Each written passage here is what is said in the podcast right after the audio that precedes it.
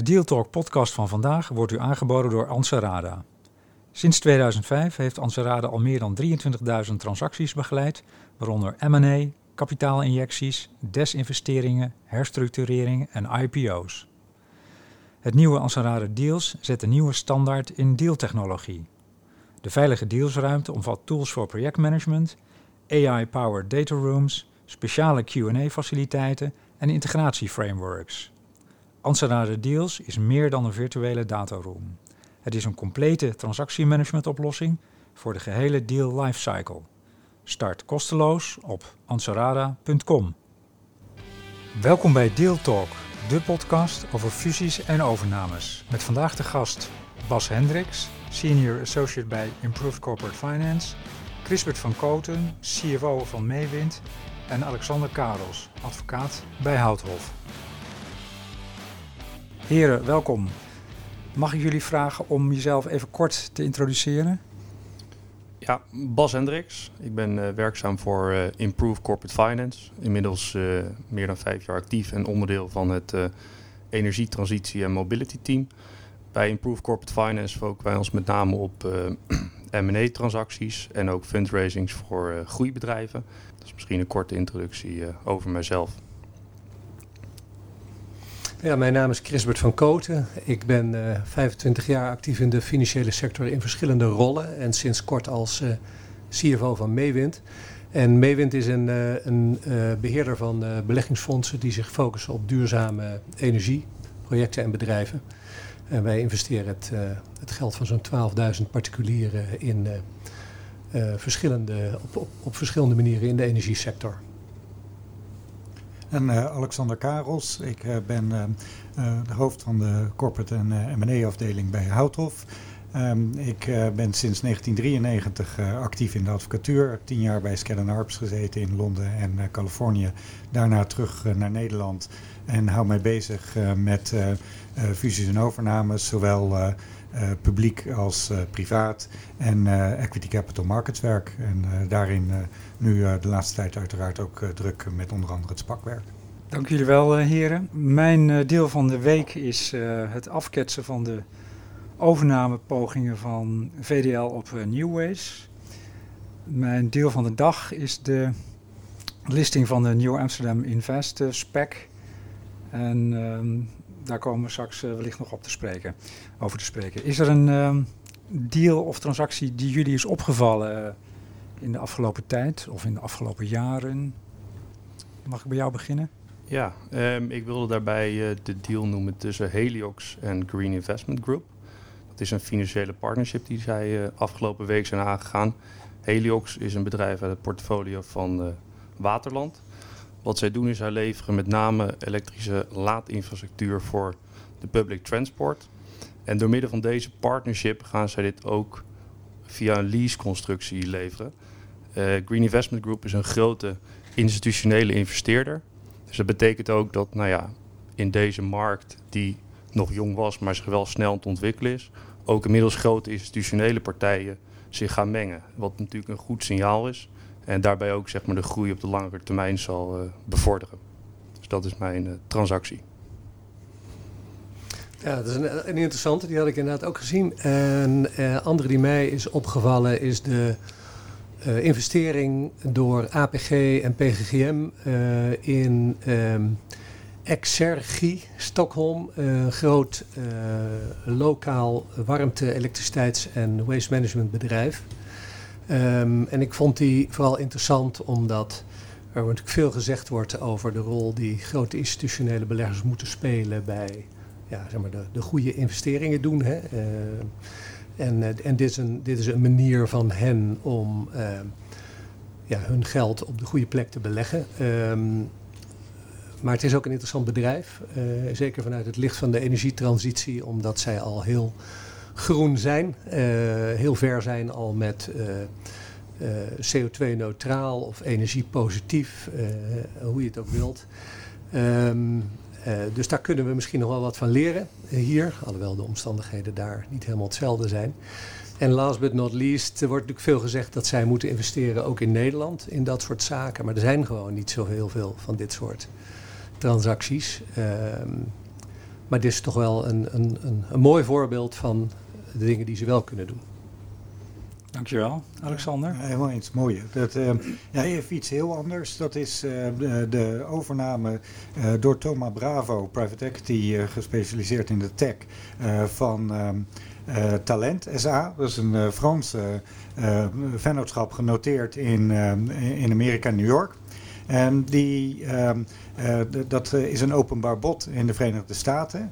Uh, maar om tot 100% te komen, uh, gaat na gestanddoening van het bod, gaat Talent SA fuseren met een Nederlandse BV. En dan vervolgens kan die via de Nederlandse, ofwel de Nederlandse uitkoopregeling, ofwel de Nederlandse Asset Sale Liquidation, kan die naar 100% komen. En in Frankrijk kan je dat niet. alleen als je 95% haalt via een openbaar bod, dan kan je uitkoopregeling doen in Frankrijk. Maar dan moet het in Frankrijk genoteerde vennootschap zijn. En anders uh, zit je klem.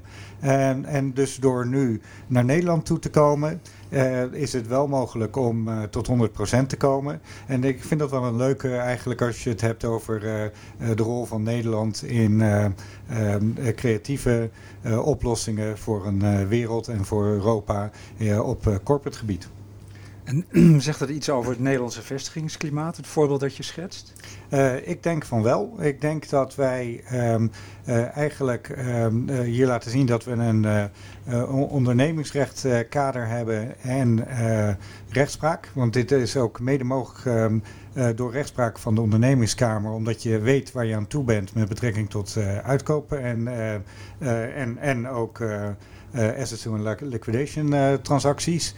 Uh, waardoor het dus mogelijk is uh, om uh, in goede gemoede een buitenlandse koper en vennootschap te adviseren naar Nederland toe te komen. En dit heeft helemaal niks van doen met de fiscaliteit, waar het denk ik in het verleden vaak wel om ging. maar dit is, dit is puur rechtszekerheid en, en flexibiliteit. En met duidelijke vastomlijnde regels. Herkennen jullie eh, de situatie die eh, Alexander schetst? Ja, nou in, ieder geval een van, van je slotopmerkingen dat de fiscaliteit eigenlijk hier niet de hoofdrol speelt. Want daar ging het natuurlijk in het verleden over als het over Nederland als uh, vestigingsland ging. Maar, er is natuurlijk veel meer wat daarbij komt kijken. Stabiel kader, hooggeschoold arbeidspotentieel, een, een fijn land om in te wonen voor de mensen die vanuit buitenland hier naartoe moeten komen. Dus ja, ik, ik herken dat wel, ja. ja. Wat zien jullie gebeuren op de Nederlandse energiemarkt?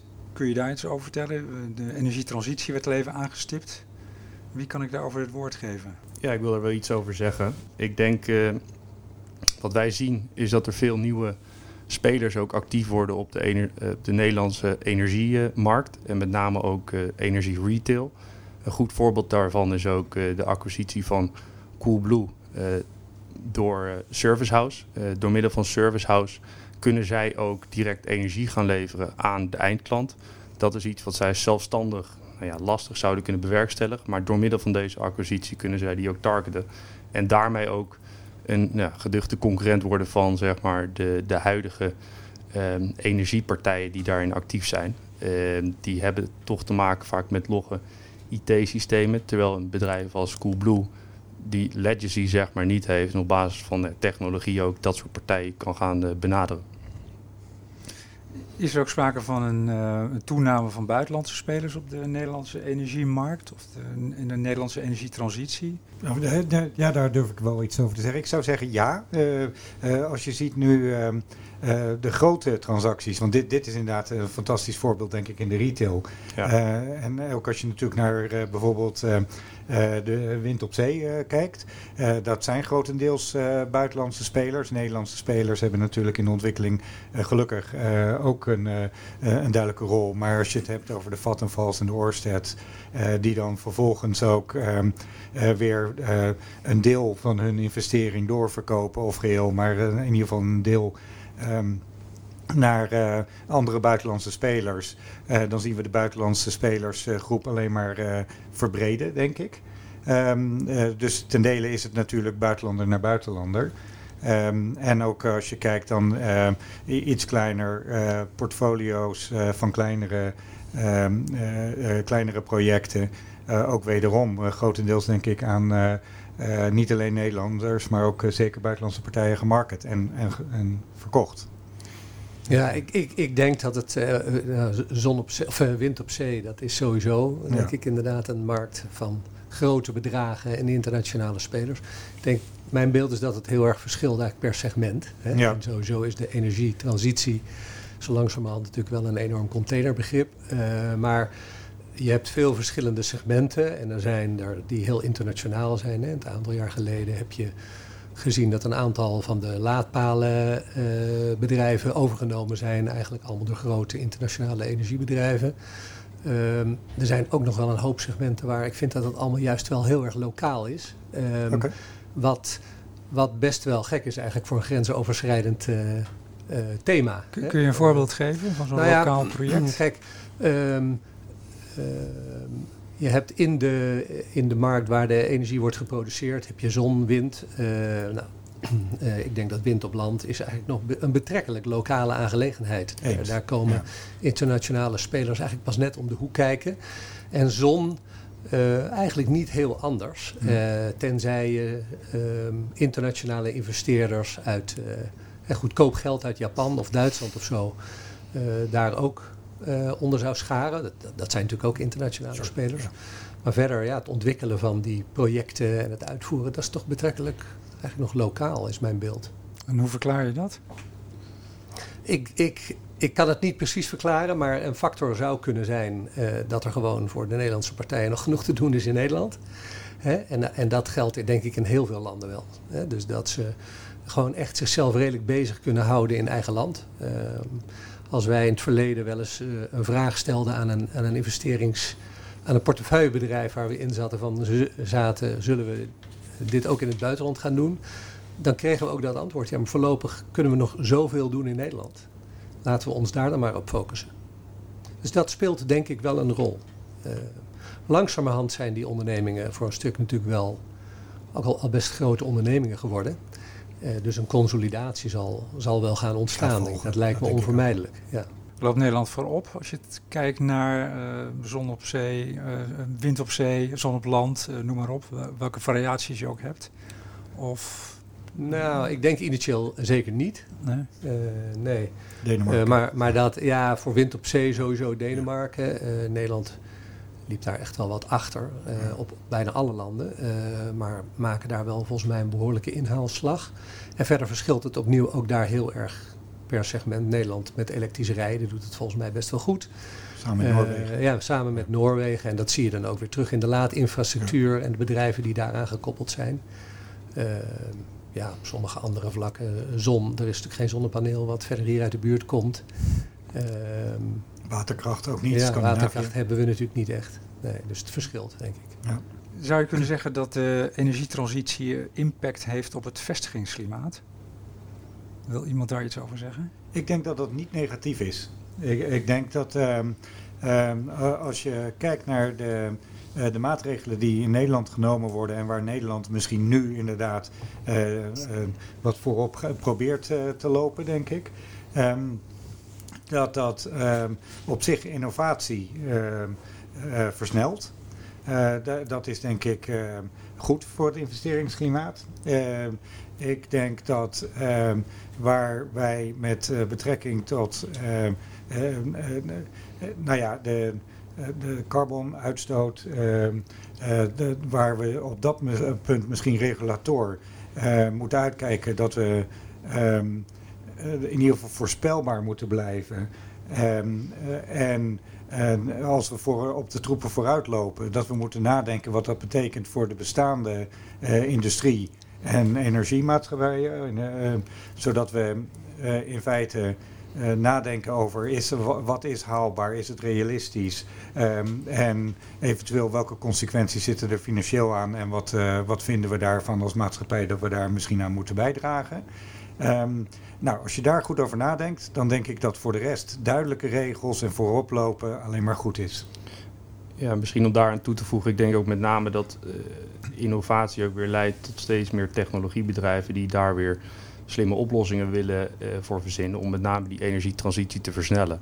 En ik denk dat we daar in Nederland zeker uh, voor, voorop lopen, uh, samen met een aantal andere landen. En daar duiken juist ook wel weer buitenlandse partijen op af, om met name daarvan te leren en eventueel technologie ook te gebruiken in hun eigen land om de energietransitie te versnellen. Dus ik denk dat dat, dat wel hand in hand met elkaar gaat en dat, dat Nederland op dat gebied wel erg sterk gepositioneerd is. Dat is ook wel wat wij terugkrijgen en horen in de, de verschillende processen die wij leiden.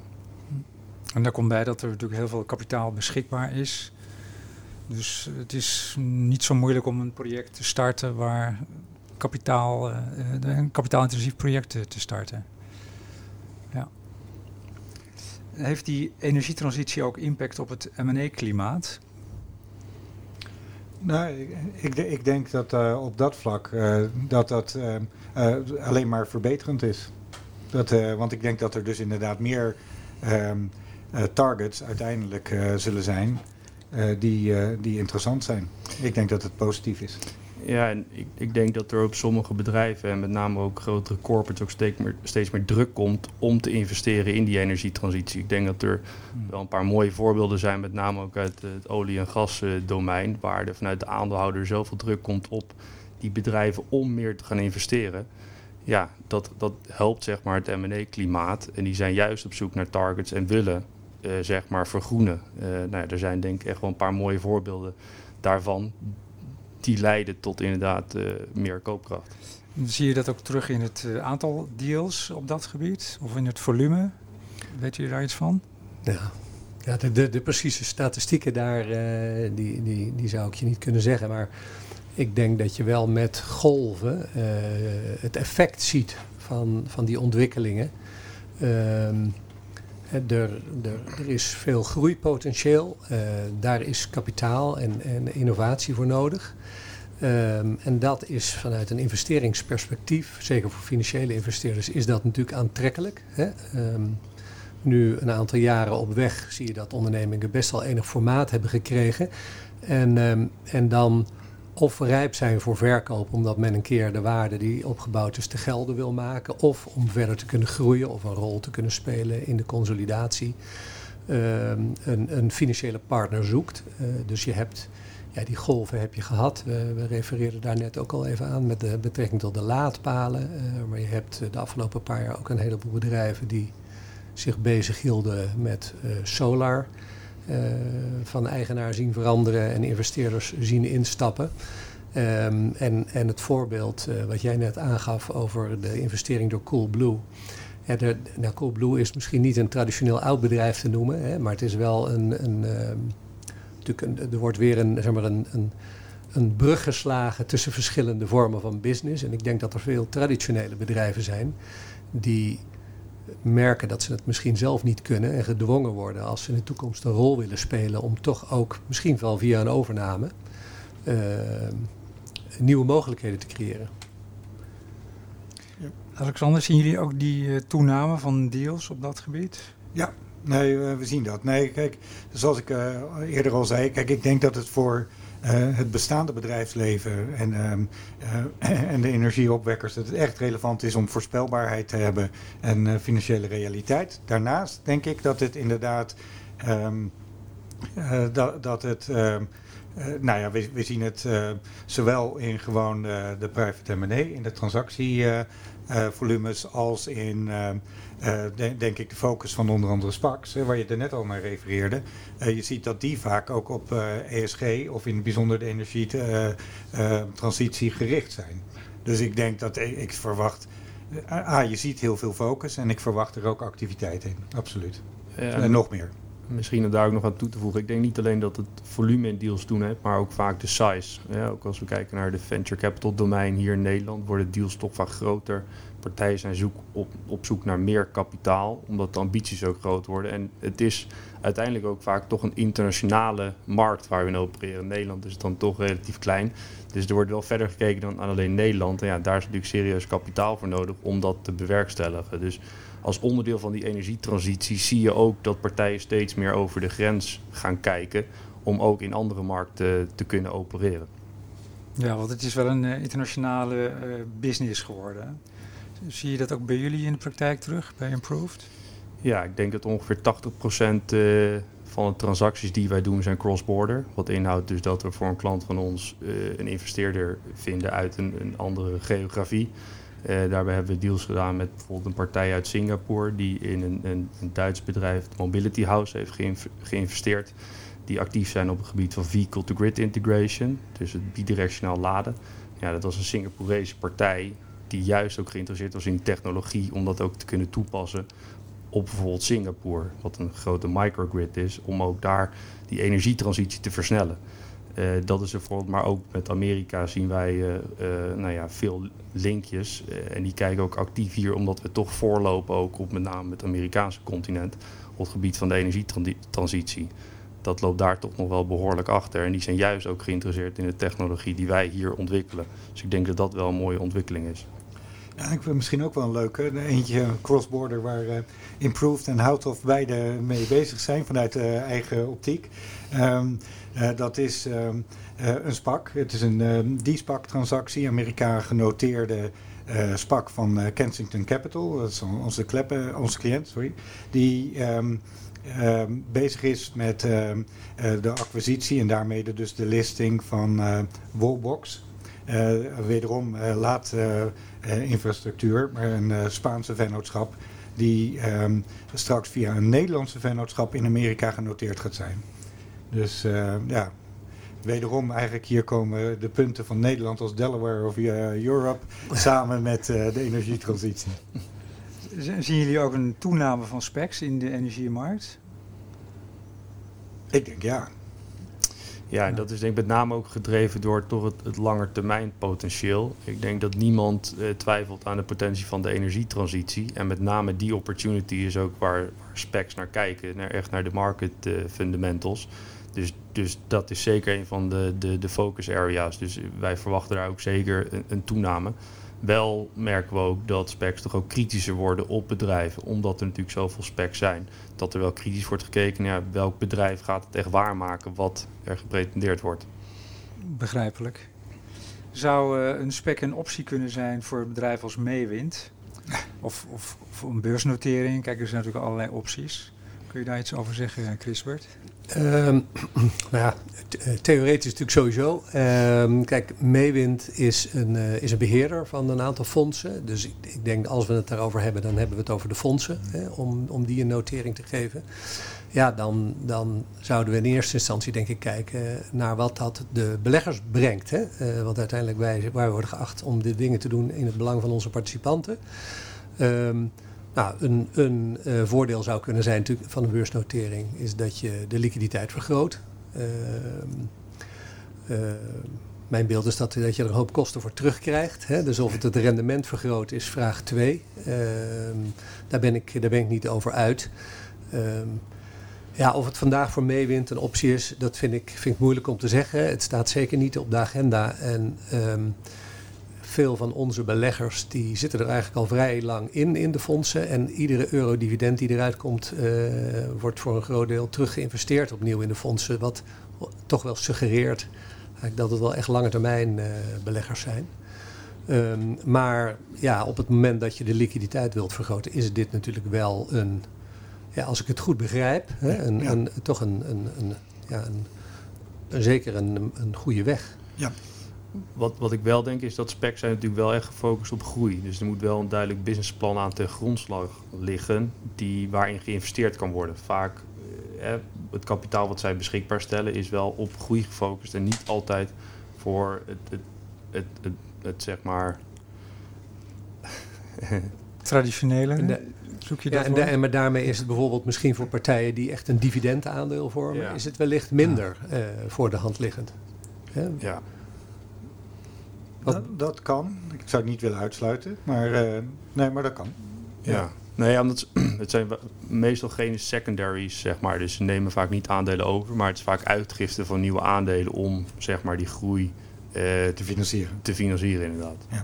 Nee, maar dat... Maar dat het een zou het, dan, uh, het ander niet hoeven uitsluiten. Ik denk dat dat... Uh, kijk, als je een fonds aanzienlijk gaat groeien... Nou ja, anyway, je kunt er over nadenken. Ja. ja. Je ziet natuurlijk bij de Sparks veel focus op dit moment op inderdaad wat we al zeiden, hè, energietransitie, ESG in zijn algemeenheid, tech, fintech.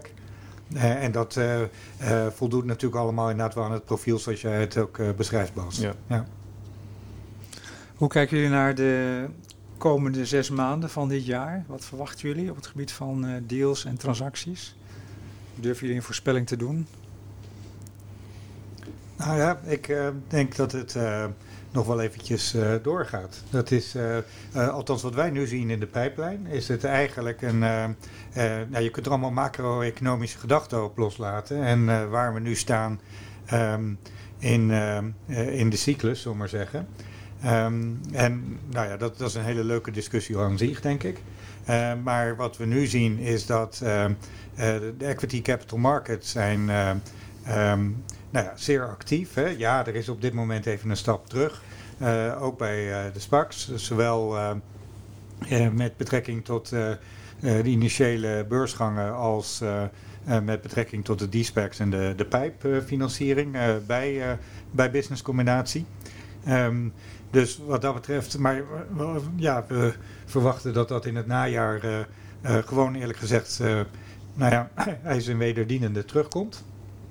En in zijn algemeenheid in de transactieactiviteit, zoals jij eerder ook al zei, er is gewoon veel geld. dat gaat niet veranderen. en ik denk dat bij afwezigheid van een macro-economische schok, wat natuurlijk nooit uit te sluiten valt. En ja, we kijken allemaal naar wat gaat er gebeuren met inflatie en dergelijke. Um, maar um, hij is een wederdienende, denk ik, dat op zich dingen doorgaan. Dat, er een dat dit een stevig jaar wordt. Hoe kijken de andere heren er tegenaan? Ja, ik, ik denk dat het onderliggend fundament op zich wel positief is. Hè? En uh, als ik het even betrek op de energiemarkt, omdat dat natuurlijk met name ja. onze focus is daar moet nog een heleboel gebeuren. Uh, en daar is ook een heleboel geld voor nodig. Dus, dus daar zullen zeker transacties blijven. Uh, wij hebben heel veel te maken met ontwikkelaars bijvoorbeeld. Hè, bedrijven die zich bezighouden met projecten zon op dak of windprojecten, warmteprojecten. Daar is wel nu de, zeg maar, de, de grondstofprijzen zijn daar wel een heel groot aandachtspunt. Hè? Dus ja. op het moment dat je wilt gaan verkopen, dan, wil je natuurlijk je, dan is je timing ook belangrijk. Ehm, ja. En eh, dat lijkt de komende tijd wel een factor te zijn. Ja. Dat zorgt voor vertragingen, waardoor de oh. pijplijnen die we dan uh, voorgespiegeld krijgen natuurlijk langzamer lopen. Uh, ja, dat, dat, dat kan het tempo wel beïnvloeden, denk ik. Bas, heb jij een voorspelling te doen? Nou ja, ik denk dat we aardig op één lijn zitten. En ik kan het eigenlijk alleen maar beamen. Ook als we kijken wat uh, er in onze pipeline zit en de activiteit die wij zien op de markt en de aanvragen, zowel vanuit technologiebedrijven, maar ook vanuit de corporate en uh, de investeringskant, uh, waar er gewoon proactief uh, naar ons toegekomen wordt om te vragen van ja, zijn er nog opportunities waar we in kunnen participeren? Want we hebben gewoon kapitaal beschikbaar dat we aan het werk willen zitten en dat ons kan helpen bij het verder verduurzamen.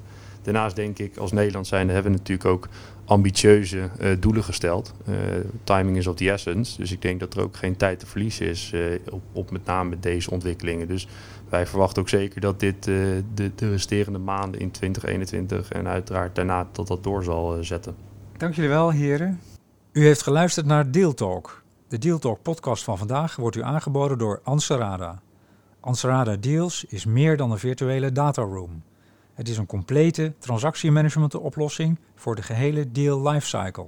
Start kosteloos op ansarada.com.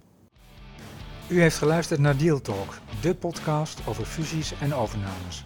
Met als gasten Bas Hendricks, Senior Associate bij Improved Corporate Finance, Chrisbert van Koten, CFO van Meewind en Alexander Karels, advocaat bij Houthof.